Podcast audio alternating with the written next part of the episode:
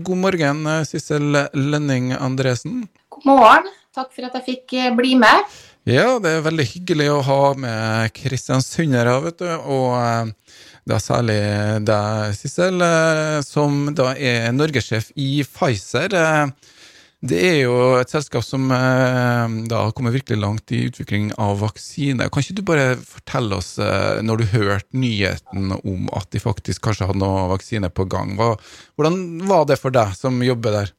Eh, jo, det, det, Vi fikk jo vite at det kom gode nyheter var det forrige, eh, forrige mandag. Eh, og det var jo eh, to uker siden. Tiden flyr så fort. Da skjønte vi jo at vi hadde nådd en milepæl i de, de, studiene våre. Og eh, vi hadde nok data til å kunne si noe om effekten. Uh, og så må jeg bare si at det her er jo, Vaksina er ikke godkjent ennå, uh, men de foreløpige dataene de så veldig gode ut. Og nå også på slutten av den uka som gikk, så har vi også nok noe sikkerhetsdata til at vi faktisk kan levere inn en søknad til både amerikanske legemiddelmyndigheter og europeiske legemiddelmyndigheter.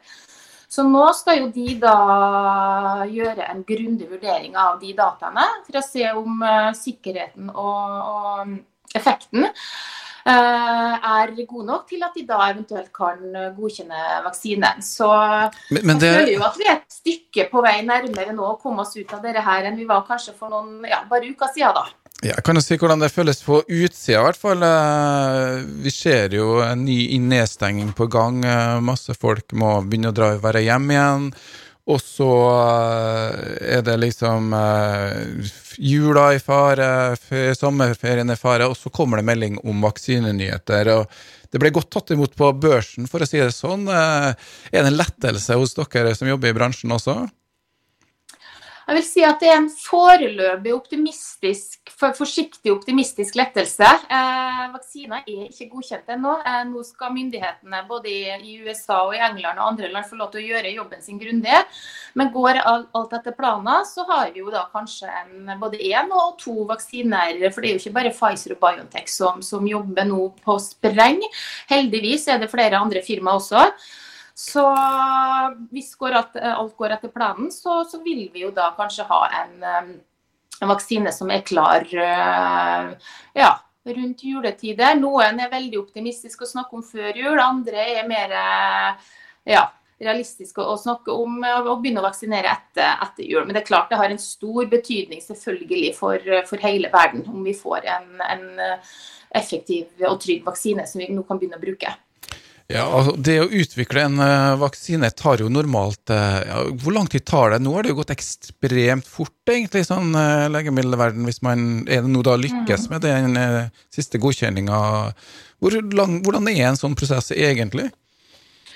Eh, normalt så tar det seks til sju år å utvikle en, en, vaksine. Eh, det tar litt kortere tid å utvikle en vaksine enn et vanlig legemiddel. Et legemiddel tar gjerne en åtte til ti år, men vaksine tar normalt seks til sju år. Men eh, under da forutsetning av nå at vi får en godkjennelse på enten vår vaksine eller en annen vaksine, så har det her tatt helt det er helt utrolig, men da har det tatt altså åtte til ti, eh, måneder. Så mm, ja. Og, og, og, så, og, Det er også viktig å nevne da at eh, vi har jo ikke noen, tatt noen snarveier når det gjelder det å, å hoppe over noen trinn. Uh, vi, vi, må likevel vise til effekt og til sikkerhet på denne vaksina her, som om vi hadde mye lengre tid. Men forskjellen er at vi vi investerte veldig mye tid og veldig mye penger i starten av utviklinga. Vi har inkludert, eller fått med oss ca. 40 000 eh, personer som har vært frivillige da, i å, å, teste ut vaksiner. Og I stedet for å på en måte vente fra en utvikling av en vaksine, så gjør du ett trinn først, og så venter du til du får resultatene av det, og så setter du i gang neste, og så venter du. Her har vi kjørt veldig mange prosesser parallelt. Eh, og Samtidig har vi også begynt å bygge opp produksjonskapasitet parallelt. Men med den vissheten om at åke lykkes vi ikke, så er det arbeidet forgjeves. Men allikevel så, så ønsker da Pfizer at vi så viktigheten av at, at, her måtte vi bare få i gang flere ting eh, i, i, parallell. og Derfor så har den prosessen her den gangen her tatt uh, mye kortere tid. Siste spørsmål om akkurat denne eh, produksjonskapasitet. Eh, det er mange mennesker i verden som uh, trenger en vaksine, og noen som ønsker en vaksine. Greier dere å lage Det er jo selvfølgelig flere firmaer, men hvordan er produksjonskapasiteten? Eh, hvis nå legemiddelmyndighetene eh, vurderer dataene våre til å være eh, gode nok til å kunne godkjenne dem, så, står, så har vi ganske god produksjonskapasitet. Men nei, vi klarer vel ikke å produsere 67 milliarder doser i løpet av ett år. Men planen er vi har allerede stått å produsere 50 millioner doser i år. Og så, hvis alt går etter planen og vi får godkjenninga på plass, så står vi også klar til å kunne produsere opp mot 1,3-1,4 milliarder doser neste år.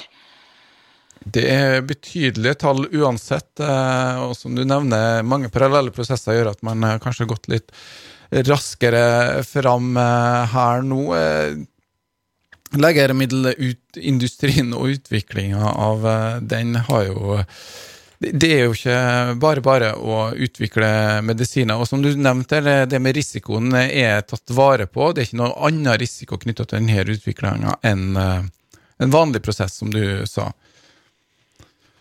Så det som blir spennende nå, da, er jo rett og slett eh, hvordan det her eh, skal prioriteres. Men det er heldigvis ikke ditt bord, eh, Sissel. Du har blitt eh, ramma av eh, koronaviruset, dere, òg. du sitter på hjemmekontoret i Oslo, ser jeg. Hvordan er det å jobbe i et legemiddelselskap, eller generelt som bedriftsleder eh, i disse tider? Jo, det har jo vært, eh, det har vært utfordrende, men jeg syns også det har vært ekstra spennende. Det var jo noen hektiske uker i, eh, rundt 11. mars i, i, år. Vi stengte jo ned kontoret fra 11. mars. Og det var jo mange prosesser og beslutninger som skulle tas da. Uh, mange av oss uh, hadde egentlig en grei overgang til å jobbe hjemmefra, for jobbene våre kan gjøres hjemmefra. Eh, men så har du også kollegaer i, eh, i, i Pfizer som jobber av å gå ut og besøke leger og være på sykehus. Så var det, ikke, det, var ikke så enkelt for dem å få gjort jobben sin. Eh, så det var jo Ja, men likevel så var det veldig mye fokus på, på, på sikkerhet til de ansatte. Da, da mente vi jo at det var viktigst at de, de, også, de legemiddelkonsulentene jobber hjemmefra. Vi syns også da at helse, helsevesenet i akkurat den perioden skulle få lov til å ta, ja, ha fokus, fokus på å, behandle covid og gjøre de omstillingene de, de trenger. Det, men ja, også, Vi har jo stort sett veldig selvgående, kjempeflinke folk i Pfizer. Så det at folk da jobber hjemmefra og, og sånn, det går stort sett greit. Men eh, vi er sikkert mange som føler litt på at det drar litt ut i tid. Det var kanskje litt mer spennende før sommeren enn nå. Eh, ja, når, når, det er mørkt ute og kanskje litt mer monotone dager. Så utfordringa blir vel å hjelpe kollegaer, kanskje holde litt motet oppe prøve å mm, ja, skape litt samhold, selv om vi sitter på hver vår tue. Eh, og ja, prøve ut litt virtuelle. Er det dere kaffepauser og ja, julebord? Jeg tror ikke det blir gjort virtuelt julebord hos oss, men hjelpe folk altså til å ja, holde ut. Og, og, folk er jo forskjellige. Noen er, er ekstrovert og syns sikkert det er kjempekjipt å sitte hjemme dag etter dag. Andre som kanskje er mer introverte, koser seg og har ikke det store behovet for sosial omgang. og sånn. Så det er litt viktig å få, ja, prøve å få sett Eh, kollegaer også i de situasjonene som, som de er.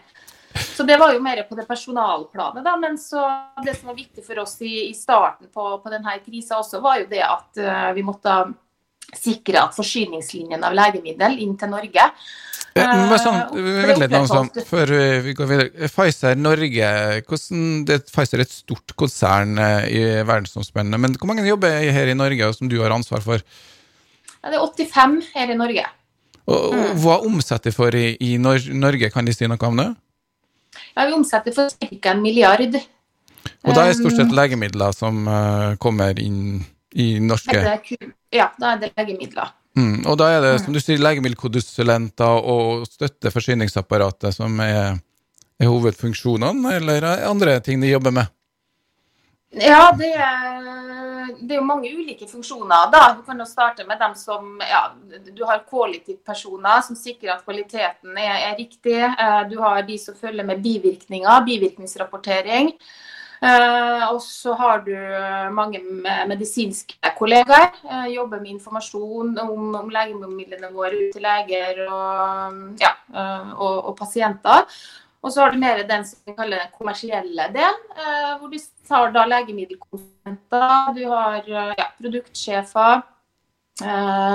og så har du alle de andre støttefunksjonene, som finans og ja, legal og litt, litt hår. Ikke så mye hår etter hvert, det, men det skrapes litt ned på de funksjonene der. Men, ja. ja. De er jo et internasjonalt konsern, og sier de kutt eh, i USA, så blir det vel eh, kutt eh, hos dere, hvis de bestemmer det. Men du er jo farmasøytutdanna, og hvor lenge har du jobba i Pfizer? Eh, I Pfizer har jeg jobba siden 2000, så det begynner å bli ja, Jeg har vært 20-årsjubileum i, i, desember, eh, faktisk, i år, så det begynner å bli noen eh, år. Men det har jo vært et firma i veldig endring, så selv om det er nesten litt flaut å si at man har vært et sted i 20 år, så har, har, det vært så store endringer og det har vært så mange muligheter for, for meg, syns jeg. Så jeg har stortrivdes. Uh, så, du, så du for deg det her uh, når uh, du vokste opp i Kariåla, og du bestemte at du skulle bli farmasøyt uh, når du var ung? nei. Det, det, ble bare nei. til? Det ble bare til mens ja, veien gikk. Og det, det, er nettopp alle de endringene som har skjedd i Pfizer som jeg har hoppa på de mulighetene jeg fikk.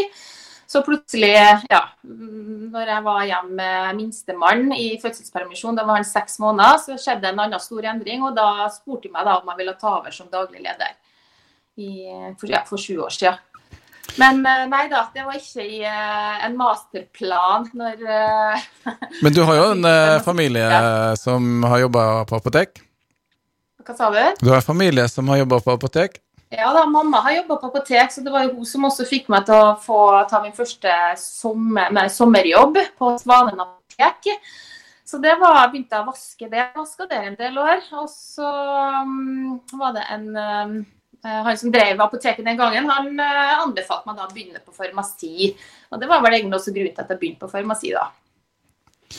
Og, siden, og da er liksom, Enten så jobber du i industrien, eller altså de som leverer til på en måte apotekene. Er det sånn man kan forstå? Og så apotekene på andre sida, er sånn eh, næringa er delt litt opp? Ja, I hovedsak så, så, er det jo apotek eh, man, man, jobber i når man er farmasøyt. Man kan jobbe på sykehusapotek, man kan jobbe litt med det man kaller klinisk eh, farmasi. Og så er det mange farmasøyter som også er i industrien. Enten da Pfizer som jobber mer med ja, ikke direkte produksjon, men du har jo også en del produksjonsselskap i, eh, i Norge hvor det er, jobber en del farmasøyter. Legemiddelindustrien eh, det har eh, historisk sett hatt en utfordrende rykte, går det an å si det sånn pent? Ja, det gjør vel det. Hvordan møter du Ja, dere er en kynisk gjeng med pengespekulanter som uh, utnytter folks sykdom og, og selger medisiner for milliarder. Dere redder en del liv også? Ja, eh, i det daglige så liker vi å fokusere på, på alle de livene vi, eh, vi, redder. Og at hadde det ikke vært for legemidlene våre, så hadde ikke legene De hadde, hadde, hadde en ganske tom verktøykasse. Så, og, så er det jo eh, ja, slik at uh, man må bare stikke fingeren i jorda. Og, og, og kanskje for ja, spesielt 20-30 år tilbake, så, så, så, var det kanskje mer hold i den ja, i noe av det du nevner nå, da, men, men de siste 10-15 årene så er det, er det ja, gjort, jeg vil si en, en, gjort en opp opprydning i forhold til hva, hvordan er det vi opererer. og Det gikk noe på hvordan man samhandla med leger, og det var noe ja, middager og kongresser og sånn. og vi vi har jo selv tatt ansvar fra industriens side til å, å si en stopper for de type kongressene som vi inviterte mange, mange, leger på. Det er en helt annen bransje nå vil jeg si, enn, enn for 20 år siden. Og heldigvis også så opplever vi mindre og mindre av den kritikken som du, eh, du nevner nå, Charles. Men uh, det er jo litt uh, artig med AS Norge er jo, har jo et kjempesvært oljefond. og vi er jo godt investert i, i legemiddelindustrien. Vi tjener noen kroner på det. Har du, har du noe oversikt over det? Ja, det er jo veldig, det er ganske, det er ganske fascinerende det. Altså, fordi at uh, oljefondet, Statens pensjonskasse uh, utland, uh, oljefondet, det er, har jo selvfølgelig ulike sektorer det investerer i, og helse er en av de. Og uh, når du går inn og søker innenfor helse, så er, faktisk oljefond har relativt store eierinteresser i eh, mange av de største legemiddelfirmaene. Og, og, og oljefondet er faktisk blant noen av disse selskapene det, den største institusjonelle eieren. Eh, og ja, du spurte om tall. Jeg kan f.eks. nevne at ja, da, da, er det jo ja, det er Novo nordisk, Roche, det er Pfizer og mange andre som sikkert en del av oss eh, del av dere kjenner igjen. Men i, fra 2014 til 2018 så hadde altså oljefondet en avkastning på 230 milliarder eh, norske kroner ved å investere i, eh, i legemiddelfirmaer. Så vi kjenner godt på helsebehovet. Det er jo ikke noe tvil om at du er i en næring som det vil være behov for. Eh, helsetjenester er vel blitt enda mer aktuell nå i disse koronatider. Var, dere blir jo ikke arbeidsledige med det første? Nei, det, det kan virke som, som det. Og én ting er nå det er veldig mye fokus på, på covid-19, og, og, selvfølgelig, og det er det absolutt den, den viktigste prioriteringa vi, vi, jobber med. Uh, men uh, vi, vi, er jo en veldig innovativ bransje også, så det forskes jo mye på, på også sykdommer som i dag ikke får god nok behandling, og som vi mener er, er, er også veldig viktig da, å få, på plass. Så jeg er veldig glad for at ikke vi blir Eller at vi fortsatt kan bidra da, til å løse store helseutfordringer også, også fremover. Også etter at vi forhåpentligvis har lagt covid-19 bak oss. Ja, nå skal vi ta en uh, Sissel eh, skal være med litt videre. Vi skal annet snakke litt om helsenæringa, og, og, kanskje det er noen muligheter. Uh, der uh, Sissel skulle jo egentlig være med på et foredrag, eller bidra med et foredrag inn mot en verdiskaperkonferanse og en campuskonferanse, som dessverre ble avlyst pga. Av disse covid-19-restriksjonene. og der skulle vi snakke litt om helsenæringa og muligheter. Og nå vet jeg jeg med Sissel at hun ikke har noe kjennskap sånn til Helseinnovasjonssenteret i Kristiansund, men eh, det er utrolig interessant uansett å snakke om norsk helsenæring. Jeg er eh, gjest eh, i studio, digitalt inn sådan her. Sissel Lønning Andresen er med meg fortsatt, og vi skal få inn Sissel igjen, da.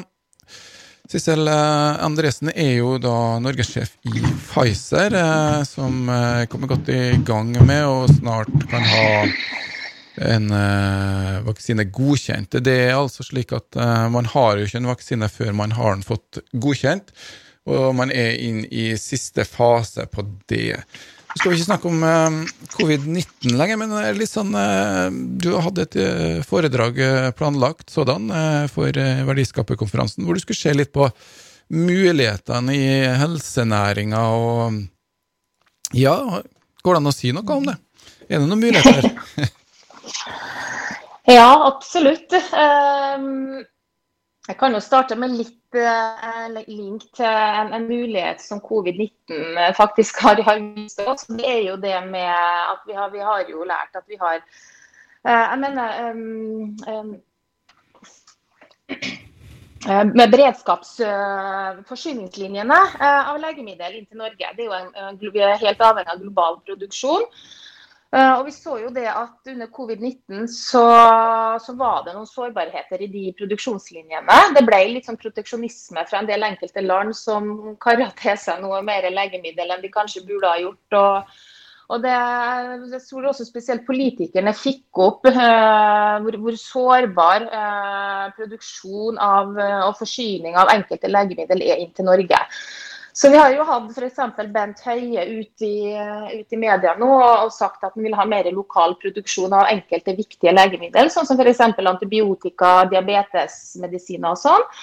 Og vi har jo en del produksjonsfasiliteter rundt omkring i, i, i Norge. Eh, så det er jo helt klart en, en, mulighet nå også, hvis politikerne vil investere mer i det, at vi får opp produksjonskapasitet. Uh, og så er det jo også spennende å se uh, det som skjer uh, rundt omkring på, i, i, kysten. Både på, på, på Vestlandet, men også lengre, lengre nord. Og For å få til en god få til å bygge næring, så er det mange elementer som skal på plass. Man må gjerne ha noen sterke akademiske miljøer. dere nevnte Helseinnovasjonssenteret, Charles. og jeg skjønt der at der, der er det f.eks. Uh, en som driver det, som har jobba sammen med Moser-ekteparet uh, i, i, Trondheim. Og bare, og bare å se på hvilke de sterke akademiske miljøene som finnes da, i, i, Trondheim, men også i Tromsø. Og, og sånn, det er jo en fantastisk start å ha, ha rett kompetanse der. Uh, og så vi også, ser vi også at det er en del oppstart av små biotekfirmaer rundt omkring. og dem, dem er det mange av i Norge. Uh, og Det kreves jo samarbeid mellom både biotek og akademiske miljøer. Og så har du da de store globale legemiddelfirmaene som, som gjerne kommer inn når man har kommet og skal ta legemiddelet til en, en litt sånn senere fase og få teste det ut større. Uh, og så har man også i Norge uh, ganske gode offentlige støtteordninger som, som ligger, ligger, der. Så hvis man da får til et godt, enda bedre samarbeid mellom, mellom alle de elementene her, så, så, så, kan man få flere suksesser av det som i hvert fall i vår bransje er et godt kjent eksempel. Når Bayer kjøpte opp Algeta Eh, Bayer er et internasjonalt legeselskap, mens Algeta da er norsk. Likevel nå så har de, um, har de et svært produksjonslokale og, og, forskningslaboratorium, altså Bayer, i, i, Norge. Og Det hadde ikke kunnet skjedd hvis ikke Algeta hadde vært der i, i forkant. Så jeg synes jo et sånn helseinnovasjonshus er kjempespennende. For det kan være en katalysator for å få opp enda mer fokus på innovasjon og knytte til seg kompetanse og sånn.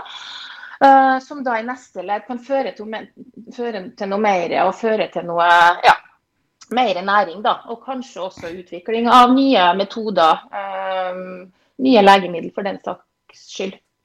Ja, vi har jo også sånn det jo, Du snakker om produksjonsmiljø. Gesse Riiber driver jo med fiskeolje, men det er jo ganske, blitt ganske strenge krav, og den produksjonen de har, ikke at de kan sammenlignes, men det er jo sånne miljøer som da kan være med og utvikle i samarbeid, som man er på jakt etter? ikke? Mm. Jo, ja. Jeg syns det er kjempeartig når jeg så det GC Riberols den, det, ja, det hadde vist mottatt internasjonal pris for sitt kvalitetsarbeid. Eh, og olje til bruk i legemidler og kosttilskudd er jo veldig populært. Jeg så også at Silderonoljeselskapet Arctic Nutrition flagger igjen produksjonen sin. Eh, og bygge et helt nytt anlegg i, eh, i, Ørsta. Det vil også dra til seg kompetanse som er kjempeviktig i, i andre ledd også i, eh, i utvikling av, og forskning. Om det er legemidler eller andre, andre ting. Lokal produksjon, altså. Rett og slett covid-19-epidemien gjør oss sårbare. Eh, vi kunne sikkert prata veldig mye videre, også om antibiotikaresistens og en del andre ting, men tida ryller litt fra oss, eh, Sissel. Du har i hvert fall gitt oss noen stikk eh, videre her, som kanskje kan se hvilken retning man skal mm. gå i. Og det er jo ikke alltid slik at man må sprenge ut halve Balgneset for å kunne skape noen arbeidsplasser heller. Så da skal jeg egentlig bare si tusen takk til deg, Sissel.